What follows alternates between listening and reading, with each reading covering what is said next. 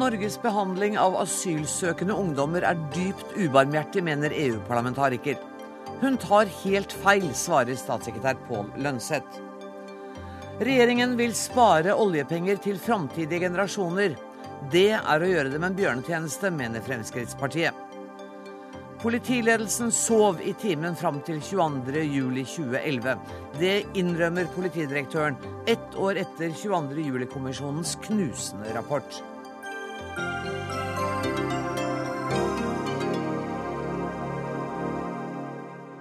Dette er altså Dagsnytt 18 denne tirsdagen, der vi også skal høre om omsvakeomsorgen, som det het, slik den utspant seg i ei sørlandsbygd for 60 år siden, nå i romanform. Men aller først. Norge behandler flyktninger under 18 år på en klanderverdig og ubarmhjertig måte. Det mener EU-parlamentariker Cecilia Wikstrøm, som kritiserer Norge for regelen som gir unge mellom 16 og 18 år midlertidig opphold og så åpner for å tvangsreturnere dem til hjemlandet. Cecilia Wikstrøm, ubarmhjertig og klanderverdig, hvorfor så sterke ord? Jeg kjenner at man må gi de her barna en ny sjanse til et nytt liv. Og det får de jo i Norge det at de er 16 år. Altså de, de etablerer seg i samfunnet, de går i skolen, de lærer seg norsk. Barn og ungdommer integreres mye, mye fort i et nytt samfunn. Och eh, när så har skett, och vi ska komma ihåg att vi pratar om väldigt, väldigt traumatiserade ungdomar. De har haft det svårt i sitt hemland och de har på väldigt svåra sätt tagit sig till Norge. Eh, och att, att de då får denna nya chans är ju fantastiskt. Men att ta den ifrån dem efter två år när de är väl integrerade och fungerar i samhället, det känns för mig cyniskt och obarmhärtigt. Så får man inte göra mot unga människor som har varit med om så svåra saker. Du har ledet arbeidet med EUs nye asylpolitikk. Er Norge alene om denne regelen? Jeg tror at Norge faktisk er ensomme om denne regelen. Antingen så återføres man til hjemlandet umiddelbart, man får en asylprøvning, og så återføres man tilbake til hjemlandet om man ikke har asylskäl. Men har man asylskäl så får man stanna. Och vi har inte antingen eller utan, utan man får stanna. Och det blir inget uppskjutet besked så att säga. Mm. Med det nya asylpaketet så skärper vi dessutom hastigheten och effektiviteten i bedömningen så att ingen ska förspilla månader eller till och med som ni gör i Norge år av sitt liv för att sen tillbakavisas till ursprungslandet. Men du er klar over at dette er en regel som så å si ikke praktiseres, eller ikke praktiseres i det hele tatt? Ja, nej, det finns inget annat land vad jag, vad jag vet av EUs medlemsländer som gör så, inte någon. Och om det har varit så så är det absolut slut med det nu därför att det nya asylpaketet har vi beslutat om, vi har fått det på plats och det implementeras nu i de 28 medlemsländerna så det finns inget utrymme för någon slags eh, halvhalt mellom 16 og 18 års ålder. Utan, mm. utan det, det, er en fullstendig asylbedömning som skal gjøres. Og har man asylskäl så får man stanna. Har man det ikke, så återføres man til ursprungslandet. Men det jeg prøvde å si var at selv ikke i Norge Vi har denne regelen, men den benyttes altså ikke. Det er uh, ingen ungdommer som er tvangsreturnert etter denne regelen, så vidt jeg vet ja men så fint, da syns jeg at Norge omedelbart skal se over sitt regelverk. For er det så at det finnes et regelverk som sier så her, då, og, men som ikke er anvendt og ikke er i bruk, da syns jeg at regjeringen omedelbart skal ta bort den egendomliga bestämmelsen.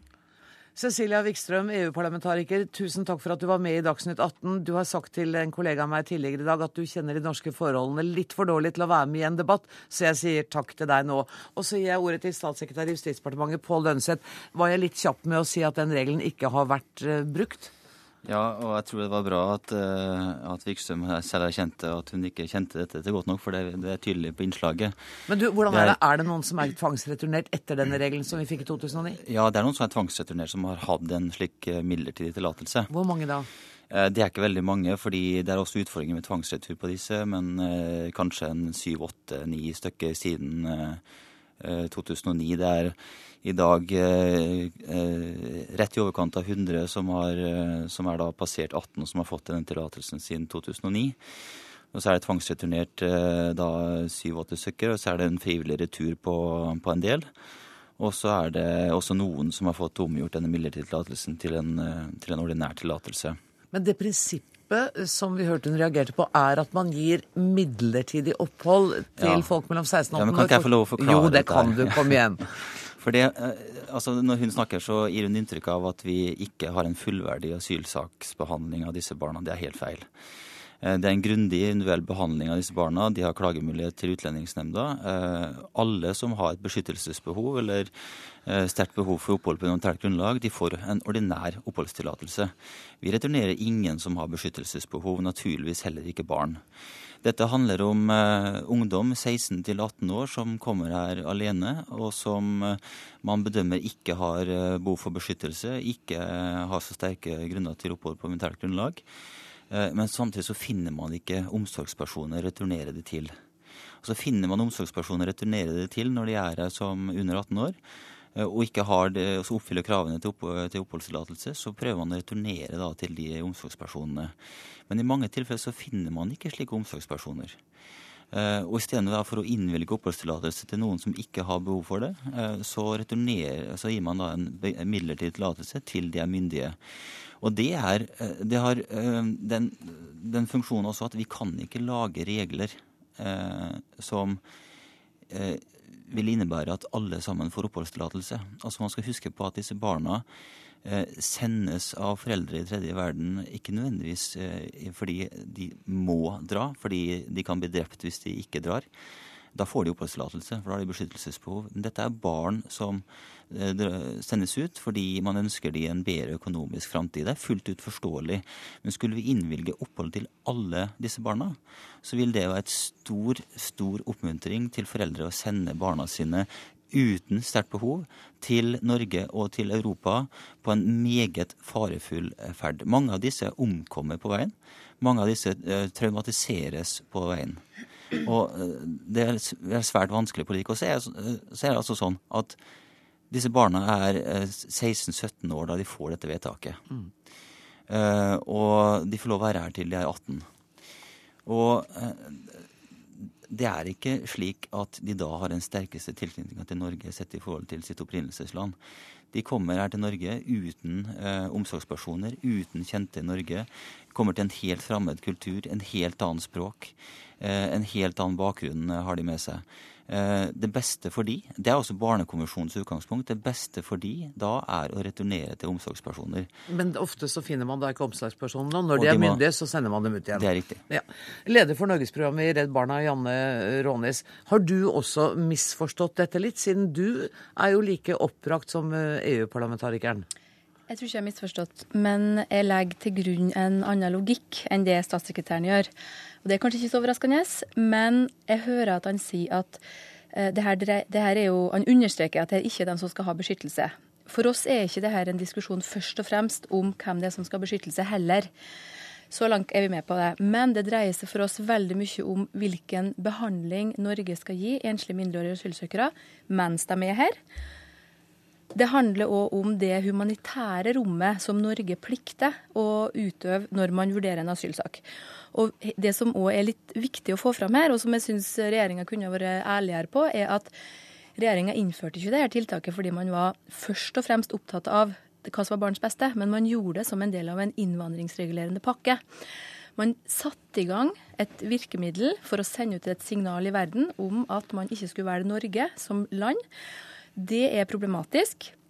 Eh, både ut ifra en solidaritetstankegang om hvordan vi plikter å ivareta enslige mindreårige på flukt. Eh, men i tillegg så er det jo heller ikke noen som kan dokumentere at det har virka på noe vis. Ikke blir de faktisk returnert fra Norge, men i tillegg så er det ikke sånn at unge mennesker fra Afghanistan og Irak slutter å flykte. De flykter jo bare til andre land. Eh, så hvis man vil gjøre noe med at unger skal flykte, så kan man ikke bruke unger som er i Norge i dag, som en brekkstang. Men har han ikke rett i at unger også blir sendt ut av foreldrene på farefulle reiser jo. for å danne et brohode her, sånn at familien kan komme etter? Nei, ikke det, første, ikke det siste. fordi okay. at uh, det er ikke sånn at du får familien din etter til Norge hvis du har fått uh, opphold i Norge nødvendigvis. Det er en myte. Men de sender ungene for at de skal få et bedre yes, liv her? Og jeg er like bekymra for det som på Lønset. Men problemet vårt er at de ungene som da først har kommet hit, de har jo vært gjennom den farefulle, farefulle verden. De har med seg den bagasjen. De har opplevd tap. Og da kan du ikke bruke de relativt få ungene som et virke, politisk virkemiddel for å hindre noe annet. Du må løse problemet med at unger legger ut på flukt, ikke ved å utsette andre sårbare ungdommer for et sånt politisk eh, eksperiment som det vi har kalt det tidligere. Altså, det er helt riktig at dette var, kom som en del av en innstrammingspakke tilbake i 2008. Uh, og vi har redusert ankomster av enslige mindre asylsøkere til Norge fra 2500 i 2009 til nå under 1000. Uh, samtidig med at vi reduserte ankomstene fra voksne. Men jeg vil si, uansett hvor mange ankomster det har, så vil det være veldig problematisk å lage et regelsett som sier at er du barn alene, man finner ikke omsorgspersoner, så får du oppholdstillatelse. Det vil også gjøre det helt umulig å finne disse omsorgspersonene. Det er jo ingen som vil bli funnet. Vi sliter jo det med, med, veldig med det i dag. Fordi bevisst går i dekning for ja, at ungene skal få være her? Ja, disse er jo investert i disse barna her for at de skal sendes med menneskesmuglere til Europa og Norge. Og hvis skal, det skal lykkes hver gang at de skal få oppholdstillatelse, uavhengig av om det er beskyttelsesbehov eller ikke, ja, så vil det være en gavepakke til menneskesmuglere. Og det vil være medføre enda flere barn som sendes ut fra sine foreldre i en tredje verden. Det, det er inhumant, det. Mm. Ja, og jeg er helt med på at det er utrolig kyniske bakmenn, og også innimellom foreldre som tror de sender unger til noe bedre enn det de faktisk opplever. Men problemet er at de ungene som da Og jeg minner om det er kanskje sånn 150 ungdommer som man da har gitt denne litt spesielle oppholdstillatelsen på. Eh, for oss så lukter det her kun signalpolitikk, og eh, ikke at man har lyktes eh, med å forhindre det du ønsker å forhindre. Og jeg mener at man er nødt til å gjøre helt andre ting for å forløse at unger blir utsatt for dels utnytting, og også at man kanskje reiser på feil grunnlag. Men du kan ikke bruke de ungene som da nå er i en utrolig utsatt situasjon her, her og nå, som en brikke i det. De har ikke beskyttelsesbehov. Jeg minner om at de ungene som hadde nesten tilsvarende saker før de innførte det her tiltaket, de fikk opphold på militært grunnlag. Så det, vi diskuterer ikke beskyttelsesbehov her, vi diskuterer det humanitære rommet som Norge skal utøve i møte med enslige mindreårige asylsøkere. En kommentar til dette med antallet, at det er lavt antall. Ja, det er for så vidt riktig. Det er 150 eller 154, jeg tror det er. Men det har jo sin årsak i at, eh, at eh, disse enslige mindreårige asylsøkerne det er en veldig stor innvilgelsesprosent. Mm. Eh, og det er jo ikke sånn at vi bevisst legger opp til at det skal være et lavt tall. Vi eh, har en politikk som går ut på at hver enkelt individ skal ha sin sak vurdert. Og grundig vurdert i forhold til beskyttelsesbehov.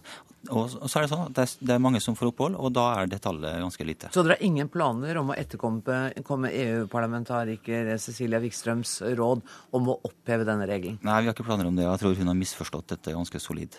Ok, men da har dere to bidratt til en oppklaring. Tusen takk for at dere kom, Janne Rånes fra Redd Barna og Pål Lønseth statssekretær i Justisdepartementet.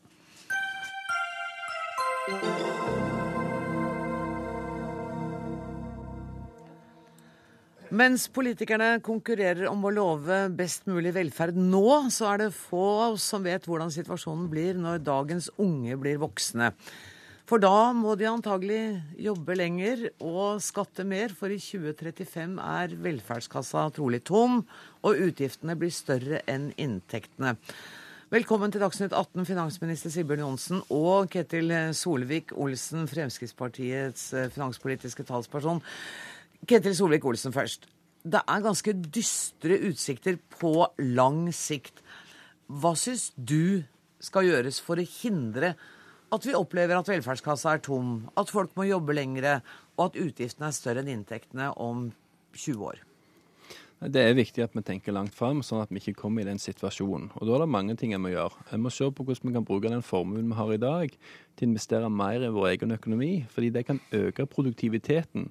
Og Får du folk til å bli mer produktive, altså produsere mer for hver time, så trenger de ikke nødvendigvis betale mer i skatt eller kutte i velferdstjenester, fordi at da får du gjort mer med de personene vi har.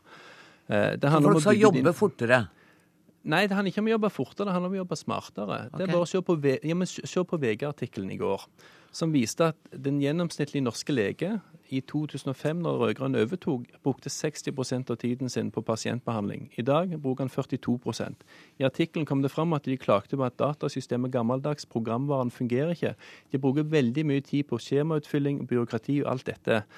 Dette sier de i en tid der altså datateknologien har kommet fryktelig mye lenger enn i 2005. Der du skulle kunne tro at de kommuniserte mer effektivt, ikke mindre effektivt. Og Det er problemstillingen, at vi ikke har brukt vår mulighet nå til å gjøre at våre offentlige ansatte kan jobbe bedre. Ikke springe raskere, men jobbe mer fornuftig. For det ville gitt dem mer en tilfredsstillende arbeidsdag sjøl.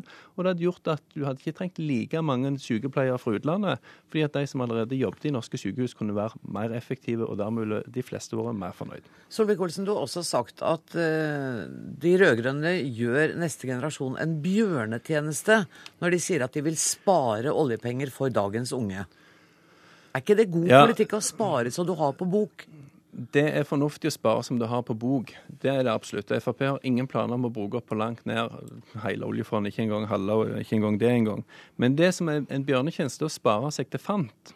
For det er det vi gjør når vi sier at det beste og eneste vi skal gjøre med oljeformuen, det er å spare den i utlandet. Hvis du heller kunne sagt at du kunne bygge ut f.eks. norsk infrastruktur, og du så at det for samfunnet ga en bedre avkastning enn å spare det i utenlandske obligasjoner, så hadde jo det vært fornuftig. F.eks. For i dag så låner vi ut litt av vår oljeformue til Danmark og vi får 1% rente. Det er knapt nok til å dekke inflasjon, ikke det engang. Samtidig så vet vi at med å bygge ut riksveiene våre, så anslår en at en ville fått tre og en halv gang tilbake for hver krone vi investerer, så får du tre og en halv gang tilbake.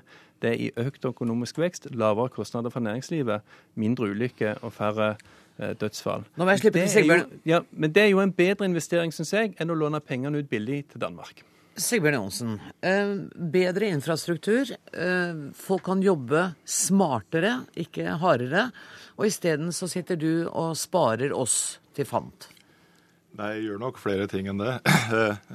ja, Hvis ikke så hadde jeg vært bekymra. Da hadde jeg hatt en veldig rolig jobb. Ja, han gjør ikke bare det. Å nei. nei. Det var godt å høre. Nei, men eh, for å ta litt av utgangspunktet først, og det er jo at eh, det er noen ting vi vet om eh, utviklingen framover, sjøl om det er vanskelig å spå om framtida. Og det er hvordan befolkningen i all hovedsak vil se ut de nærmeste 50-60 åra. Eh, om 30 år så er vi dobbelt så mange over 67 år, og over tid så blir det færre ansatte per eh, eh, pensjonist over 67 år. Det øker det vi kaller forsørgelsesbyrden. altså Det blir færre til å dele eh, større utgifter. Og Da må vi gjøre flere ting. Vi må arbeide, eh, arbeide smartere. Vi må øke produktiviteten. Det eh, kan vi for så vidt være enige om. Og så må vi spare. For det, eh, vi nå gjør i tillegg, er at vi tar opp olje og gass fra reservoarene. Og så kommer, det penger inn. Og da må vi spare deler av den formuen, for det at vi òg skal ta vare på den, de muligheter som neste generasjon skal ha. Og da har vi sagt at vi skal bruke et visst beløp i året, en gitt rente, ta denne oljeformuen. Så, så jeg syns egentlig at vi har en eh, ganske god løsning, eh, og det viser jo òg resultatene i norsk økonomi. Men høres det ikke fornuftig ut, det Ketil Solvik-Olsen sier også, at man kan bruke litt mer, og så kan man kanskje investere det i å få folk til å jobbe smartere, bedre infrastruktur, og ikke sette av så mye til å spare i utlandet som ikke engang dekker inflasjonen? Nå, det er flere ting her. Vi satser jo veldig sterkt på eh, infrastruktur. Eh, den eh, nasjonale transportplanen som ble lagt fram rett etter påske, er jo det største løftet noensinne når det gjelder investeringer i vei, jernbane, havner. Vi skal jobbe med produktiviteten, så vi gjør det. Og vi investerer i skolen, som kanskje er noe av det aller viktigste vi kan gjøre. Og investere i den framtidige arbeidskraften. Så eh, Da er dere kanskje ikke så uenige, da, Ketil Solvik-Olsen. Da er det bare handlingsregelen igjen, da. ja, men, men, altså poenget at jeg hører Sigbjørn Johnsen si det, og jeg tror nok han mener det. Poenget at uh, vi har mang sitt manglende handlekraft uh, og gjennomslagskraft i dette. Fordi at sentralbanksjefen sa i sin årstale at investeringene i næringslivet har gått ned. Det har blitt halvert i fastlandsindustrien. Så er det riktignok at den har blitt tredobla i oljeindustrien. Men altså i fastlandsnæring, det vi skal leve av på lang sikt, det er en halvert. Produktiviteten i dette landet har ligget flatt de siste årene, under Sigbjørn Johnsen. Og BNP, altså verdiskapning per innbygger i dette landet, har faktisk gått litt ned når du fordeler det ut på befolkningen. Men ting framstår til å gå veldig bra, fordi at vi har en enorm arbeidsinnvandring som inflaterer de tallene litt. Eh, det som Fremskrittspartiet vil, det er jo at vi i statsbudsjettet snart begynner å skille mellom forbruk og investeringer. Og Det vi ønsker, er at du skal kunne framskynde fornuftige investeringer som øker vekstevnen. Og så skal vi, og det må jeg understreke, vi skal samtidig stramme inn på forbruksveksten. fordi at det er det som ikke kommer framtidige generasjoner til gode. Når finansministeren drar fram Nasjonal transportplan, så minner jeg om at i Nasjonal transportplan så ligger det en eh, forutsetning om at vi skal lånefinansiere veibygging for 100 milliarder kroner nesten. Det vi da gjør, det er jo at vi sparer våre egne penger i utlandet til 1 rente i Danmark bl.a. Og så skal vi låne penger i utlandet for å bygge vei i Norge. Og bilistene må i snitt betale 3,6% rente for de pengene vi har lånt i utlandet. Da låner vi ut vår egen oljeformue billig låne hjem andres penger dyrt. Alt dette for å holde oss til denne handlingsregelen. Men dette er jo ikke ansvarlig økonomisk politikk. Dette er å spare seg til fant, og da blir det kunstig. Og Det er derfor Fremskrittspartiet sier at vi må få en litt annen økonomisk politikk, som bygger landet med vår egen formue, istedenfor å låne oss eh, fra andre for å holde på en Jeg angrer veldig på at jeg åpna for den diskusjonen om Nasjonal transportplan, merker jeg. Og jeg så at du Sigbjørn Aasen, du skvatt da du ble beskyldt for ikke å drive ansvarlig økonomisk politikk. Ja, det er, eh, det er jeg sterkt uenig i. at eh, nå, nå sa riktignok Ketil Solvik-Olsen at han sa litt, litt, annen økonomisk politikk. Det er ikke bare litt annen økonomisk politikk. at eh, Fremskrittspartiet har jo hatt som mål hele tida å såkalt skrote handlingsregelen. De, endre handlingsregelen. Ja, ikke sant? Endre den, ikke skrote den. Jo, det, det, det uttrykket er brukt. Så, så, og Det handler om å bruke mer oljepenger. og Hvis du bruker mer oljepenger, så betyr det at uh, over tid så vil lønninger gå opp. Renter vil gå opp, kronekursen vil bli sterkere, og dermed så slår vi ut norske industriarbeidsplasser. Men kan jeg bare spørre så, så dere, mine herrer, hvor bekymra er dere for situasjonen i Norge når olje er slutt? Altså, I i eh, perspektivmeldinga så står det at uh, den økonomiske situasjonen, veksten, kommer til å være bra fram, fram til 2060, men det vil være vanskelig å opp oppfylle alle de økende kravene til velferd, skole, utdanning som folk da vil ha med seg. Når er det det inntrer det kritiske skillet? Det som, det som skjer framover nå, er jo at uh, akkurat nå så har vi uh, store inntekter fra oljevirksomheten. Akkurat nå så har vi òg store overskudd i, i budsjettet. Men det som skjer om 10-15 år, er jo at da går den andelen oljepenger som vi kan bruke i forhold til produksjon i Norge ned, samtidig som utgiftene til f.eks. alderspensjoner øker kraftig. Og Det som er viktig nå, er at vi må benytte den anledningen vi har nå til å bygge reserver for det som kommer senere. Både med å spare gjennom oljefondet, bruke mindre enn 4 %-regelen i gode tider. Og så må vi investere i arbeidskraften, bedre skole. Vi må investere slik at vi òg har en arbeidsstyrke som kan sørge for at eh, vi har produksjon og verdiskapning som kan bære velferden på ryggen, i tillegg til den eh, sparekapitalen som neste generasjon skal ha. fordi at vi må gjøre jo. begge deler. Jeg lar deg få siste ordet, for jeg bare lurer på hvor ille vil det være å være 67 eller 68 år i 2060, tror du? Det er jo avhengig av hvordan vi skikker økonomien vår. Og jeg er bekymra, fordi at når jeg hører Sigmund Johnsen si de ordene som jeg er helt enig i, så ser vi altså at produktiviteten har gått ned under hans styre. Ja, det, er, det er feil. Ja, ja men, men, poenget er at du tar feil når du sier det som vil være konsekvensen av økt oljepengebruk. Fordi SSB sier at norsk økonomi kan tåle inntil 45 milliarder kroner mer i årlige investeringer i infrastruktur uten at det skader økonomien. Da... SSB har òg sagt at med FrPs vinkling, selv om vi bruker litt mer oljepenger, så bruker vi på skattelettelse og investering i økonomien. Da vil det forbedre måten økonomien fungerer på. Det vil faktisk gi økt BNP. Det vil gi lavere inflasjon og lavere renter, fordi det handler ikke bare om hvor mye penger du bruker, men hvordan du bruker de. Det som jeg er bekymret over, det, det, det, er det, er at du har en velferdsstat i ubalanse. Fordi at det vi ser i dag, det er dessverre at vi uføretrygder en del av våre egne, så erstatter vi de med utenlandsk arbeidskraft som står kortere tid i arbeidslivet før de begynner å ta av sine opptjente rettigheter. Og Finansavisen har jo vist at bare under de åtte årene med rød-grønn regjering, så har den norske velferdsstaten pådratt seg nesten 400 milliarder kroner i framtidige forpliktelser som disse innvandrerne ikke vil betale. Nå snakker dere, så fort og så mye at jeg har helt mista grepet. Ja, bare ett uh, lite Dere må ikke ta hele partiprogrammet. En, en, liten ting til slutt, og det er at uh, det å bruke SSB på den måten er ikke riktig. fordi at i den artikkelen som uh, Kjetil, Ketil Solvik-Olsen her viser til, ja. så er det en tabell som viser at det er det motsatte motsatte som skjer. Inflasjonen går opp, Nei, rentene går opp, Nei, og konkurransen Nå kan vi ikke ta hele debatten en gang til. Jeg har mista dere, som sagt. Men jeg sier hjertelig takk til Sigbjørn Johnsen og til Ketil Solvik-Olsen. Og inn kommer Lars, Magnus, eh, Lars Magne Sunnane, avdelingsleder i Aftenpostens økonomiredaksjon. Du skrev en interessant og annerledes kommentar og da tenk, i, i avisen om nettopp generasjonskonflikten, og hvem er det som får nyte godt av velferden. Hvem av de to som vi hadde i studio nå, sikra din økonomiske fremtid best, syns du? Det vil jeg være forsiktig med å spå. Det er jo, Man hører på Fremskrittspartiet, for, for en økonom og for en avdelingsleder i økonomiredaksjonen, så er det vanskelig å skille helt mellom hva som er investering og drift, om du skal kjøpe en ny datamaskin, om det er en, det er en kapitalinvestering og det å, å ansette en datalærer, om det er forbruk og drift. Og samtidig kan man vel si at, at Sigbjørn Johnsen har ikke akkurat lært min generasjon måtehold i de årene han har vært finansminister og økt budsjettene hvert eneste år.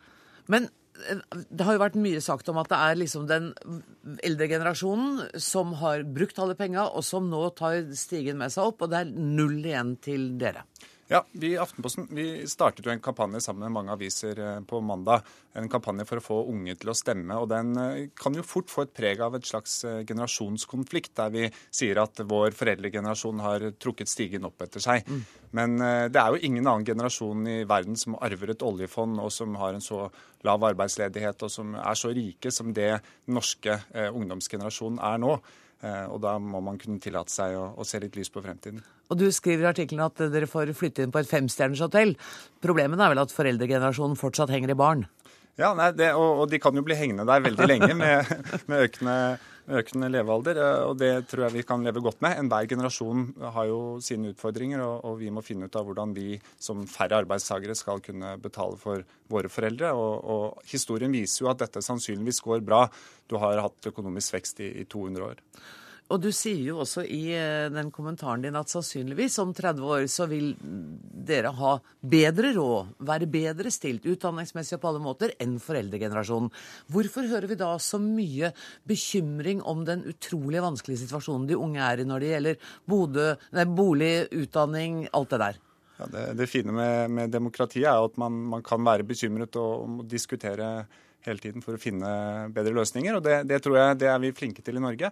Det kan vi fortsette med de neste 50 årene. Og, og, vi starter altså med et fantastisk godt utgangspunkt. Det var veldig deilig med litt optimisme på slutten av dette innslaget. Tusen, tusen takk skal du ha, Lars Magne Sunnanå, avdelingsleder i Aftenpostens økonomiredaksjon. Hør Dagsnytt 18 når du vil, på nettradio eller som podkast. nrk.no – dagsnytt 18.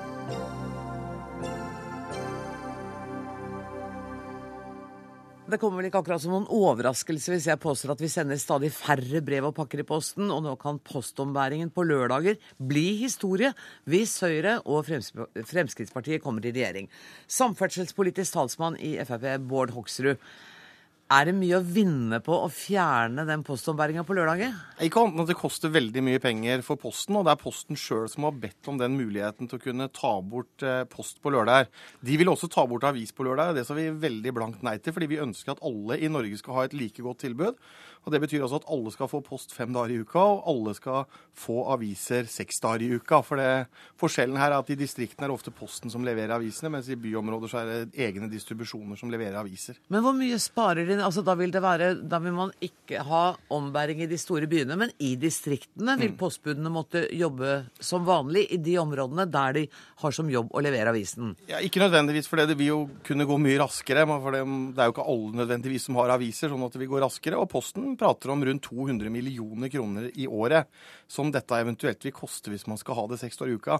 Og så tenker jeg sånn, fordi jeg var veldig kritisk i utgangspunktet, men så har jeg hørt med en del folk, og så er det veldig mange som sier at det er ikke sånn at det er så gøy å få regninga i posten på lørdagen, eller eh, kanskje andre brevet fra offentlige instanser. Hvis det skal være greit å vente til mandag, da går det an å få tak i noen av de menneskene du gjerne ville prate med, også hvis du får den type ting i posten. Jeg bare, tenkte, jeg bare tenkte på ansiktet ditt når du får regninga fra passering av bomstasjonene i posten på lørdag. Men, men, dette er jo mer alvorlig enn som så. fordi at på, i distriktene så er det jo også enkelte steder sånn at det er postbudet som kommer på døra, som får kontakt f.eks. med gamle mennesker, og så kan melde fra hvis vedkommende ikke står opp, ikke er der. Altså, Postbudet har også en velferdsfunksjon. Ja, absolutt. Og det, Men det blåser dere i. Nei, det blåser vi ikke i. Men det er altså sånn at postombringinga, altså andelen post, blir mindre og mindre. Mm. Og det går ned med 7 i året. Det er veldig mye. Og som Posten sier, det er altså ikke sånn at dette er ikke lønnsomt lenger å kunne klare å forsvare og, og fortsette med postomringing seks dager i uka.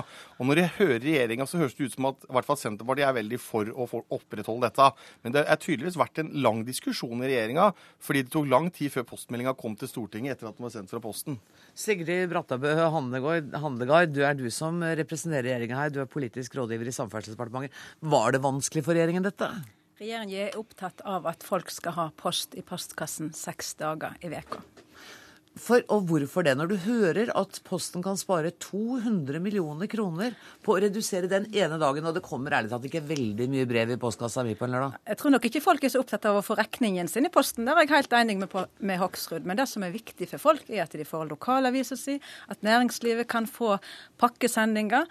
Og når jeg da hører på Hoksrud at det er 250 millioner å spare, eh, i tilfelle det skal privatiseres, så må jo de tilføres Posten igjen for å kunne gi dette tilbudet i distriktet. Og det tror jeg ikke det er ikke Frp og Høyre villige til å gjøre. De er ikke villige til å ta kostnaden det, det er å ha desentrale tjenester i Norge. For det er to ting de vil kutte. De vil kutte seks dager postombæring. Det andre som er like alvorlig, er at de ønsker å delprivatisere Posten.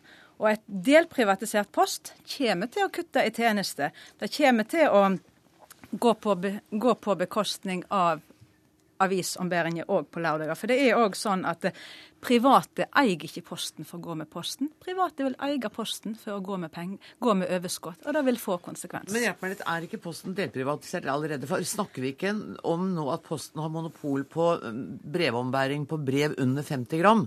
Så, så det, er bare, det, er jo så mye igjen, altså bitte lite, av det som ikke er deprivatisert. Nei, det, det, som Posten har monopol på, helt rett, det er brev under, to, under 50 gram. Ja. Det betyr en ekstra inntekt for Posten på 250 millioner. De pengene er ikke Høyre og Frp villige til å overføre til Posten. Det andre er at de ønsker å delprivatisere og børsnotere Posten. Og Det betyr at private, at private eiere kan komme inn. Og et delprivatisert Posten vil bety kutt i tjenestene til folk i distriktet. Men dette, dette selskapet er 100% aksjeselskap. Det er altså på samme måte som alle andre selskaper. De skal drive forretningsmessig, de skal levere resultater. Leverer ikke resultater, så får det konsekvenser for styremedlemmene i selskapet. Sånn at poenget her er jo det at den skremselen som jeg opplever fra Samferdselsdepartementet, og spesielt fra politisk ledelse i Samferdselsdepartementet, er jo en sånn skremmepropaganda. Og det er, som du sier, det er kun brev under 50 gram, mm. hvor ikke det er full konkurranse i Norge. Og jeg syns det er trist at Samferdselsdepartementet, med statsråden i spissen, så, og den rød-grønne regjeringa har så liten tillit til Posten. Det er Posten sjøl som har bedt om dette her. Posten har vært en kjempeeffektiv bedrift som har omorganisert mange ganger, effektivisert, sett nye muligheter og tatt nye muligheter. Det vil fortsatt komme pakker på lørdagene, det er jeg overbevist om, fordi Posten vil levere pakker. For de har sånn over natta så får du pakke fra Posten. Så det er liksom Til en viss pris, ja. Nå, til en viss pris, men det blir, blir, blir, noe dyrere. Men det vil fortsatt være sånn. Og når, når Senterpartiet her sier at dere skal ikke få aviser på lørdagen, det er bare tull. Vi sier jo at vi skal fortsette med avisutbringing seks dager i uka. Det er, kommer vi til å forlange av dette selskapet. Men du, du hører jo sjøl at det kommer til å bli et distriktsopprør her. For det er særlig distriktene som blir rammet av dette. Ja, men distriktene blir jo ikke rammet. De får avisene. Ja. Det er jo avisene som er viktige for folk. Når du spør folk hva er viktig. Og det kommer til å være til samme pris som i dag. Samme pris som i dag. Poenget er at dette selskapet vi har tro på at det er fornuftig at staten sitter som eier i selskapet, men vi har også tro på at det er fornuftig å få inn andre private eiere. Dette er et selskap som konkurrerer med alle andre postselskaper. De er på vei inn i Norge. Posten ønsker å stå rusta til å møte det. Og så har jeg lyst til å si, når når eh, er så opptatt av dette her med, med Posten, den bitte lille det er, under, det er snart under 20% av det Posten driver med. Men å kjøpe opp slo, slovakiske selskaper som driver med billig transport, altså transport med billige sjåfører som kjører inn i Norge og utkonkurrerer distriktene, og transportnæringa i distriktene, det er dårlig butikk, og det driver altså Posten med. Vi, for, vi holder oss til Post vi i dag, hvis det er greit for deg, eh, Sigrid Brattabø Handegard. Uh, har han et poeng her? Nå, nå syns jeg at Hoksrud snakker seg vekk fra det som er poenget. 50% av alle som bor i distriktene, er enig med Senterpartiet. Det er viktig å opprettholde et likeverdig tilbud om du bor i Oslo eller du bor i Os. Og så Ofte så liker Frp og Hoksrud å sammenligne seg med Sverige. Vi må hele tida se til Sverige. Hva er det som har skjedd der? Der har de privatisert Posten. Og da har de kutta tjenestene til folk som bor ute på bygda. Det er en type samfunn og en type Norge som vi ikke ønsker å bli, å bli likt som. Men har de dårlige erfaringer med de svarene? Har det vært et opprør mot uh, denne reduksjonen i postombæring? Nå er nok Sverige og Norge ganske ulike. Vi har et vi har et land der det bor folk i hele landet. Der vi har et mål om at vi skal utnytte alle ressursene. At det skal kunne leve og bo folk. At vi skal ha et næringsliv. Da er viktig infrastruktur som Posten òg en viktig forutsetning for det. Forskjellen er betydelig i forhold til Sverige, der de sliter med avflytting og nedbefolking av distriktet. Det er en type samfunn som vi ikke ønsker. Før jul kommer vi til å få svaret på dette her, for da er valget over, og vi får se hvem som vinner det. Tusen takk for at dere kom, Sigrid Brattabø Handegard og Bård Hoksrud. Og jeg ser vel deg igjen litt senere i denne sendinga, tenker jeg.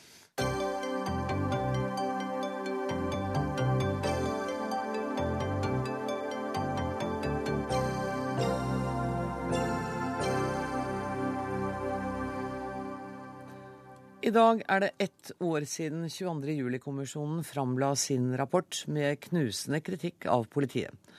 Rapporten ble lest med vantro og sjokk, for ingen hadde trodd det sto så dårlig til. Og det gjorde vel ikke du heller, politidirektør Odd Reidar Humlegård? Nei, altså Sett deg litt nærmere den mikrofonen der. Det har blitt uh, Norsk politi har vært gjennom en rekke evalueringer. Jo, men den gangen var du sjokka du også, da du fikk rapporten? Ja, vi var jo overrasket over de funnene som eh, var der. Det er det ingen tvil om. Eh, så har det kommet flere evalueringsrapporter etter det. Jo, ja. Vi har Difi-rapporten, og vi har nå da eh, den nye politianalysen. Vi skal komme til det. til det. Jeg, vil, jeg vil, bare tilbake til, til, at dere alle var så overrasket over å få vite hvor dårlig det sto til. Du var sjef for Kripos eh, da terroren rammet oss. Mm.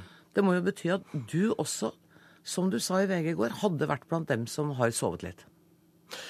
Ja, har, det er mange som har et ansvar for dette. At ikke vi har sett hva vi skulle gjøre eh, i dag for å ruste oss for fremtiden. Men hva er grunnen til at den utviklingen kunne få lov å gå? For det var vel ikke den manglende innsikten skjedde vel ikke rett før 22.07. Det må ha fått lov å utvikle seg over år, dette her? Ja, det er mange forhold eh, som har ført til dette. Eh, organiseringen av norsk eh, politi, muligheten til å sammenligne, til å standardisere, til å effektivisere. Eh, noe initiativ skulle vært tatt av politiet selv. Eh, sett da områder hvor vi kunne utviklet oss og blitt bedre. Noe skyldes da det som nå skjer internasjonalt, og som påvirker også politiet i Norge. Eh, men det handler også om organisering og strukturen i norsk politi, som er vanskelig å styre og lede og utvikle. Mm. Og den er litt gammeldags også. derfor denne. Du har referert til tre forskjellige ut, uh, utredninger. Men la oss ta uh, den store politianalysen. Hvor viktig er den nå? Ja, Det jeg vil si er, det er båndsvilla for eh, morgendagens politi. Eh, det har aldri vært gjort en så grundig evaluering av hele Eh, strukturen, organisering, oppgaveportefølje, forbedringspotensial osv. Noen gang. Nå eh, har politiet gjennom to år blitt på et vis røntgenfotografert. Mm. Eh, vi har sett eh, hvor manglene og lytene er.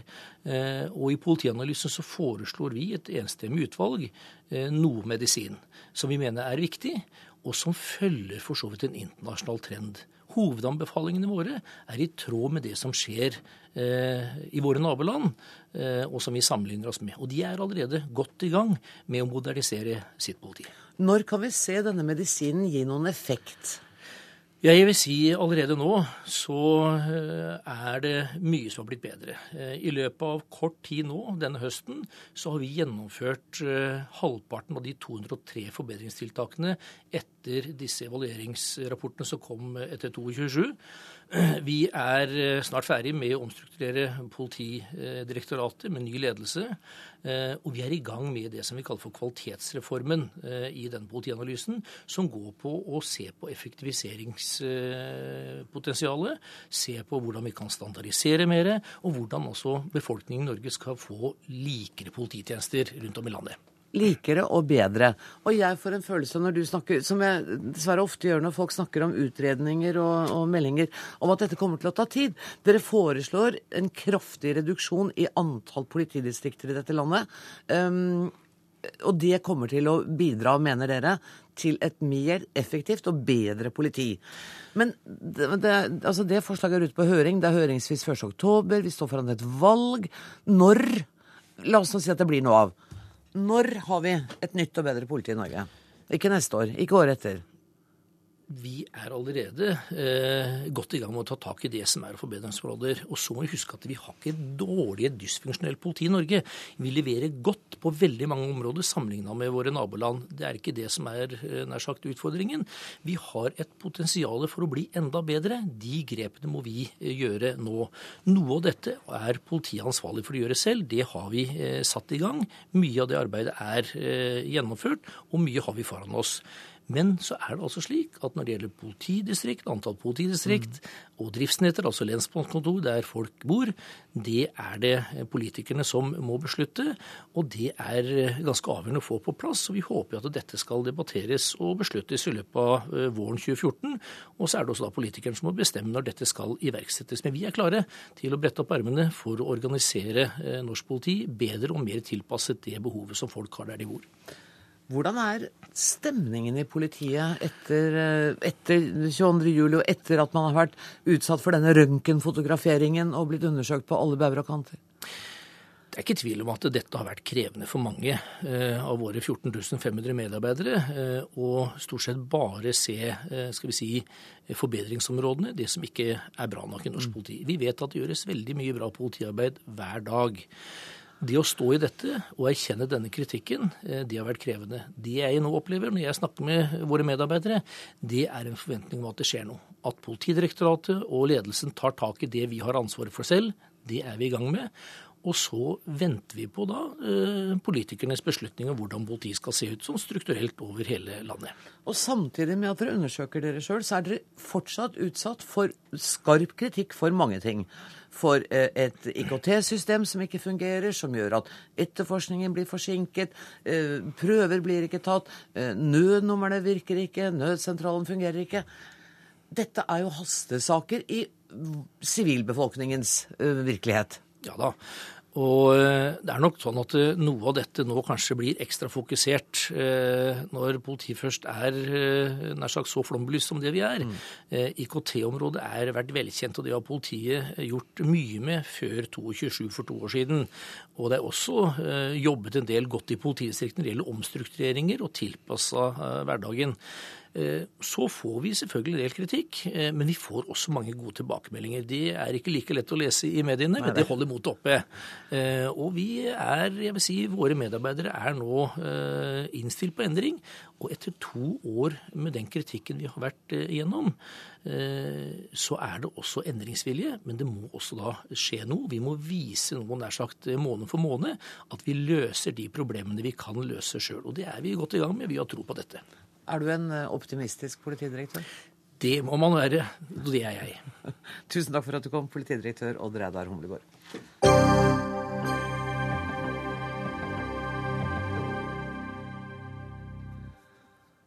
De neste minuttene skal det handle om fem vanskjøttede barn, alle med merkelappen åndssvak. De havner på et forpleiningshjem i ei lita bygd i Sør-Norge. Ikke en uvanlig situasjon her til lands før krigen. Det uvanlige er at Gaute Heivold har skrevet en roman med utgangspunkt i det som skjedde med nettopp disse fem ungene.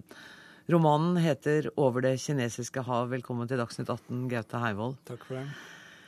En roman om åndssvakeomsorgen, som den ble kalt i Norge på 40-, 50-, 60-tallet. Hvordan fikk du ideen til den historien? Ja, det er som jeg får alle mine ideer, ganske tilfeldig. Ah, ja. Og um, det skjedde når jeg skrev min forrige roman før jeg brenner ned, hvor jeg snakka med en eldre mann fra bygda. Og han fortalte da om sin oppvekst som eh, et åndsfriskt barn eh, sammen med da, denne søskenflokken på fem åndssvake og pluss en del andre pasienter. Og um, denne historien fascinerte meg i så sterk grad at jeg, at jeg ville skrive en roman. Og den er skrevet fra perspektivet til den lille gutten. Det er hans foreldre som tar disse fem åndssvake hjem til seg. Og det er denne guttungens perspektiv vi får servert historien gjennom. Hvorfor, hvorfor han? Hvorfor ikke mora eller faren eller en uavhengig forteller? Ja, det, Når man står foran en, et sånt stoff, eh, så gjelder det å finne den fortellingas dør, som jeg kaller det. Altså Det finnes mange dører inn til denne historien. Og jeg ville velge den døra som også inkluderer et barns perspektiv eh, på dette. Og eh, romanen er fortalt både av en jeg-person som voksen, og også som barn. Og når jeg, fortal, når jeg forteller dette fra eh, barneperspektiv, så kommer det også inn en slags komikk i dette. Mm. For dette er, dette er ingen dette er ingen munter bok, men uh, det har blitt sagt at uh, den er i hvert fall den muntreste som jeg har skrevet til nå. Og det er fordi at Det sier i og for seg ikke så mye? Nei, men jeg har blitt beskyldt for å være alvorlig tidligere. Men denne romanen går det også an å humre litt av, mm. selv om den er også alvorlig. Og, det man humrer av, er jo nettopp denne guttens observasjoner av uh, de åndssvake eller gærne. Og, og, så slår det meg den der naturligheten han forholder seg til dem med. Han tar med den ene jenta på skolen og sier nei, hun sikler, hun er rar, men hun kan sitte her, og hun, hun er grei. De voksne har jo et helt annet forhold. Ja, og, men jeg var interessert i det skillet da mellom de åndsfriske og de åndssvake. Hva er det som bestemmer dette skillet? Og for barn så tror jeg at det skillet kan uh, være ganske uklart. Og for, disse, for denne jeg-personen og hans søster, som jeg skriver om, da, så, så anser de disse som sine nye lekekamerater. Da, og også som sine nye søsken, da, på sett og vis. Mm. Så det, dette skillet da mellom hva som er, eh, hva som er åndsfriskt og åndssvakt, da, det fascinerte meg også. Og det var jo ikke uvanlig, som jeg sa innledningsvis, på, i norske bygder at, at det var åndssvake, som det het, som bodde der. Og altså Da jeg leste det, så er det ingen sånn veldig følelsesladede beskrivelser av hvor fælt de hadde det. Det er, ganske, det er et barns ganske kjølige betraktninger. Ja, men dette er også Det er ikke romanens anliggende å skrive om på en måte eh, norsk forpleiningshistorie. Altså dette er en roman som, som, går, eh, som handler også i videre forstand om, eh, om mennesket og hva det vil si å være menneske. og og det handler også om de, om de vergeløse. Mm.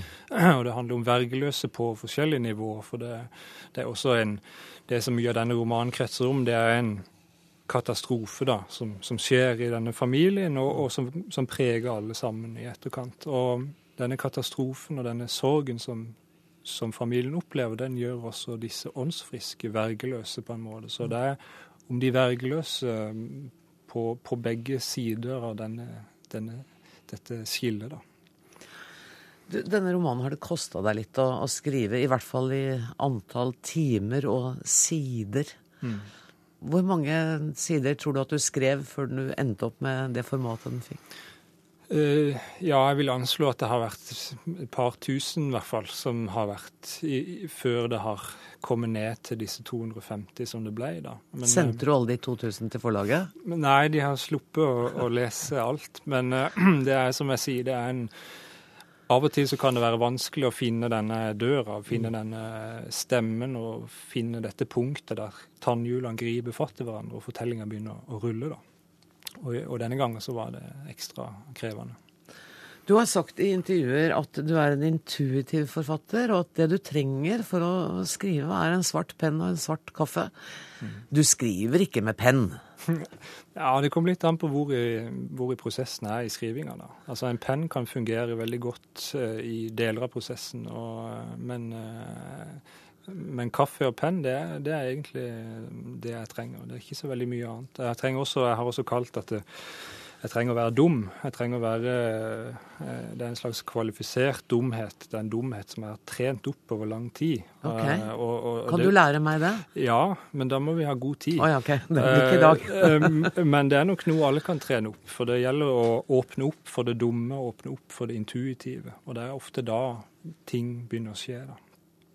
Har du vært bevisst at du har øvet opp denne type dumskap, eller har det kommet helt naturlig til deg? Eh, nei, jeg, um, jeg, jeg, jeg, sier det at det, det, er vanskelig å bli forfatter. Forfatter er egentlig noe man er, mm. selv om man ikke er klar over det. Så jeg tror ikke jeg har vært forfatter fra jeg var helt liten, uten å vite at det var det jeg var. Men, uh, så det er nok en, det er en evne som folk har lettere Noen har lettere enn andre å øve opp den her intuitive evnen. da. Du, Tittelen på boka di, er den din, eller er den forlagets som har laget den? Nei, altså den uh, tittelen er jo Det handler jo ikke om Kina, da. Jeg har fått mange spørsmål om det. Men uh, det, er, det henspeiler på ei, appelsinkasse som blir brukt som barneseng, rett og slett. Og en, en drøm hvor denne appelsinkassa som, som en gang har blitt frakta over det kinesiske havet, og hvordan Eh, hvordan dette barnet i, i barnesenga eh, er borte. Da. Så det, så det er min, det min tittel. 'Over det kinesiske hav'. Den er en fascinerende tittel, og ingen av personene i boka di kommer til å krysse det kinesiske hav, sånn som det ser ut så langt, i hvert fall. Gaute Hervold, tusen takk for at du kom til Dagsnytt 18. Boka heter altså 'Over det kinesiske hav'.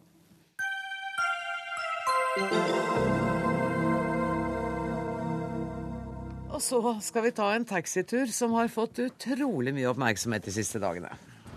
Men kjære all verden. ser du at du kjører bil, eller? Øyepartiet, kanskje. Ja, det var øyepartiet. Ser bare øye... Det er kanskje bare øyepartiet. Få se, da. Ja, men fy faen, det ligner oss! Hæ?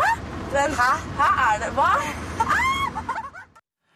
Ja, Dette var altså fra Arbeiderpartiets valgkampvideo, der Jens Stoltenberg er utkledd som taxisjåfør og blir kjent med vanlige folk. Det har vært et vellykket PR-framstøt, mener mange.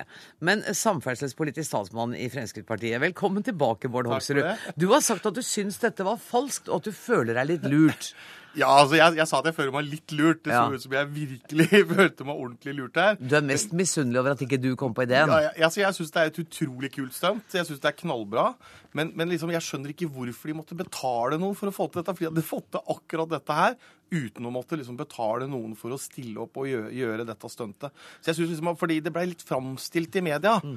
som at her er det et et, dette er liksom helt vanlige folk som ikke, ikke, visste dette, som bare gikk tilfeldig inn i bilen. Og, og, og dermed så var det et kjempekult stunt. Eh, og så blir det litt sånn da når det viser seg etterpå at at man har betalt litt for at noen skal komme inn, og, og litt sånn, så kan man begynne å lure liksom, Har man fått noen replikker og noe man skal si, eller noe sånt? Men, mm. men eh, de er veldig tydelige på at ikke det er tilfellet, da. Men er det, er det likevel litt uredelig av dem å ikke, ja, ikke synes... gjøre det på den ordentlige måten? Ta tilfeldige folk inn? Ja, jeg synes altså, Arbeiderpartiet er veldig opptatt av at vi skal ikke drive med politisk eh, TV-reklame, blant annet. da, Så er jo ikke dette det, for det er på YouTube, og det er litt sånn, kommer på alle medier og sånn, så de får det litt sånn gratis på den måten. Men de er veldig tydelige på at de vil ikke ha kjøpt og betalt eh, reklame. Men her kjøper man noen som da skal hoppe inn i den taxien. Men jeg, som sagt, jeg syns stuntet er utrolig bra. Jeg tror det er et av de, de beste så langt. Kommer hun til å vinne valget på det? Nei, det tror jeg ikke. Kommunikasjonssjef i Arbeiderpartiet, Pia Gulbrandsen. Eh, var det sånn at dere både kjøpte, betalte og instruerte skuespillerne i hva de skulle si? Nei, først så må jeg si at jeg er veldig glad for at Bård Hoksrud ikke har ligget våken i natt fordi han ble så skuffet. Men det er hyggelig å høre at han eh, likte stuntet. Jeg tror det er veldig mange som har syntes stuntet først og fremst var artig. Eh, og det er veldig mange som har sett det på YouTube og sånn. Og jeg tror ikke sant, at norsk valgkamp faktisk har rom for litt humor eh, eh, og litt lave skuldre. Fordi det er jo mye som skal være alvorlig, og det er mange ordentlige debatter og sånn. Men dette her er rett og slett bare en, en artig video. Eh, og så er det jo sånn at eh, Vi har vært helt åpne hele tiden. Eh, hvis jeg skal sitere meg selv fra søndag, så sa jeg at eh, de aller fleste ble plukket opp helt tilfeldig. Men noen eh, hadde fått beskjed om å stå et sted og bli plukket opp. Og så er det sånn at det er felles for absolutt alle de 14 som er med i videoen, at de ble veldig overraska når de så at det var Jens Stoltenberg som satt bak rattet. Mm. Og det tok jo litt sånn varierende tid før de fant ut det. Og det er også helt likt for alle at de ikke vet at det er skjult kamera i bilen. Men er det likt for alle at de fikk et honorar også? Eh, de som hadde eh, som det var gjort en forhåndsavtale med, og som hadde satt av tid, de fikk 500 kroner som takk for hjelpen. Eh, og de som jo satt i taxi, eller skulle et sted og ble plukket opp helt tilfeldig, de fikk turen gratis. Det skulle nesten bare mangle, syns jeg. Men hvordan, hvordan, fant dere ut hvem dere skulle ha som dere ville på en måte kaste og bestemme skulle inn i dette her? Mm. Eh, nå er ikke jeg veldig, veldig ekspert på casting eller noe annet. Eh, eller jo, kanskje noe annet, men ikke akkurat på casting. sånn at eh, ifølge produksjonsselskapet, må jeg vel si da, eh, så er det sånn at eh, ni av personene i denne filmen her har blitt helt eh, sånn plukket opp på en eller annen holdeplass eller et eller annet sted. Og så er det fem stykker som er rekruttert på forhånd. Og hvis jeg bare kan forklare hva det betyr. Gjør det. Det betyr at de har blitt sant, spurt på gata av noen om de kunne tenke seg å være med i en film for Arbeiderpartiet. Og så har noen sagt ja. Og etter det så har de eh, fått vite at da ville de bli, bli plukket opp av en taxi. Ikke noe mer enn det. På et bestemt eh, tidspunkt, selvfølgelig, og et sted. Eh, men igjen, altså dette her eh, Det er ikke noe mer screening enn at vi har forsikret oss om at folk ikke er Arbeiderpartimedlemmer, faktisk. Mm. Fordi det gjorde Altså, jeg tror produksjonsselskapet mente at det førte til eh, ja, politiske samtaler som var mer uforutsigbare. Spesielt for statsministeren. At de ikke var. Arbeiderpartimedlemmer. Mm. Ja, så de visste, ikke sant? Det var ikke sånn at vi kunne anta at da ville de snakke om helse og arbeid til alle, f.eks. Eh, det var helt, helt vanlige folk. Eh, Hoksrud, er det sånn at dere leiter etter noe å kritisere dem for? For at nå hadde de gjort noe som dere ikke hadde tenkt at dere kunne ha gjort, altså kunne vært like gøy? Nei, jeg, jeg mener ikke det, i hvert fall. Men jeg Nei. bare mener at liksom, sånn som det blei framstilt, så, så blei det på mange måter Og selv om, selv om Pia nå sier at eh, hun sa sånn og sånn, så var det på mange måter ikke sånn det kom fram i media, og sånn det blei framstilt. For det blei framstilt som at det var helt tilfeldige mennesker, alle sammen, som ingen visste noen ting om dette, og på mange måter bare hoppa tilfeldig inn i den taxien. Eh, og, og plutselig så var, var Jens Stoltenberg liksom Men det er liksom Og bare jeg syns da liksom at dette var en kjempeskup og kjempekul greie, og da skjønner jeg ikke hvorfor, hvorfor gjør man det for å ødelegge det, liksom. Fordi da ville man hatt helt, eh, helt greit, liksom, hvis dette bare hadde vært tilfeldige folk. Og jeg tror man har fått en like kul video. Ja, ikke sant? Og det kan godt hende at Bård Hoksrud har rett i det.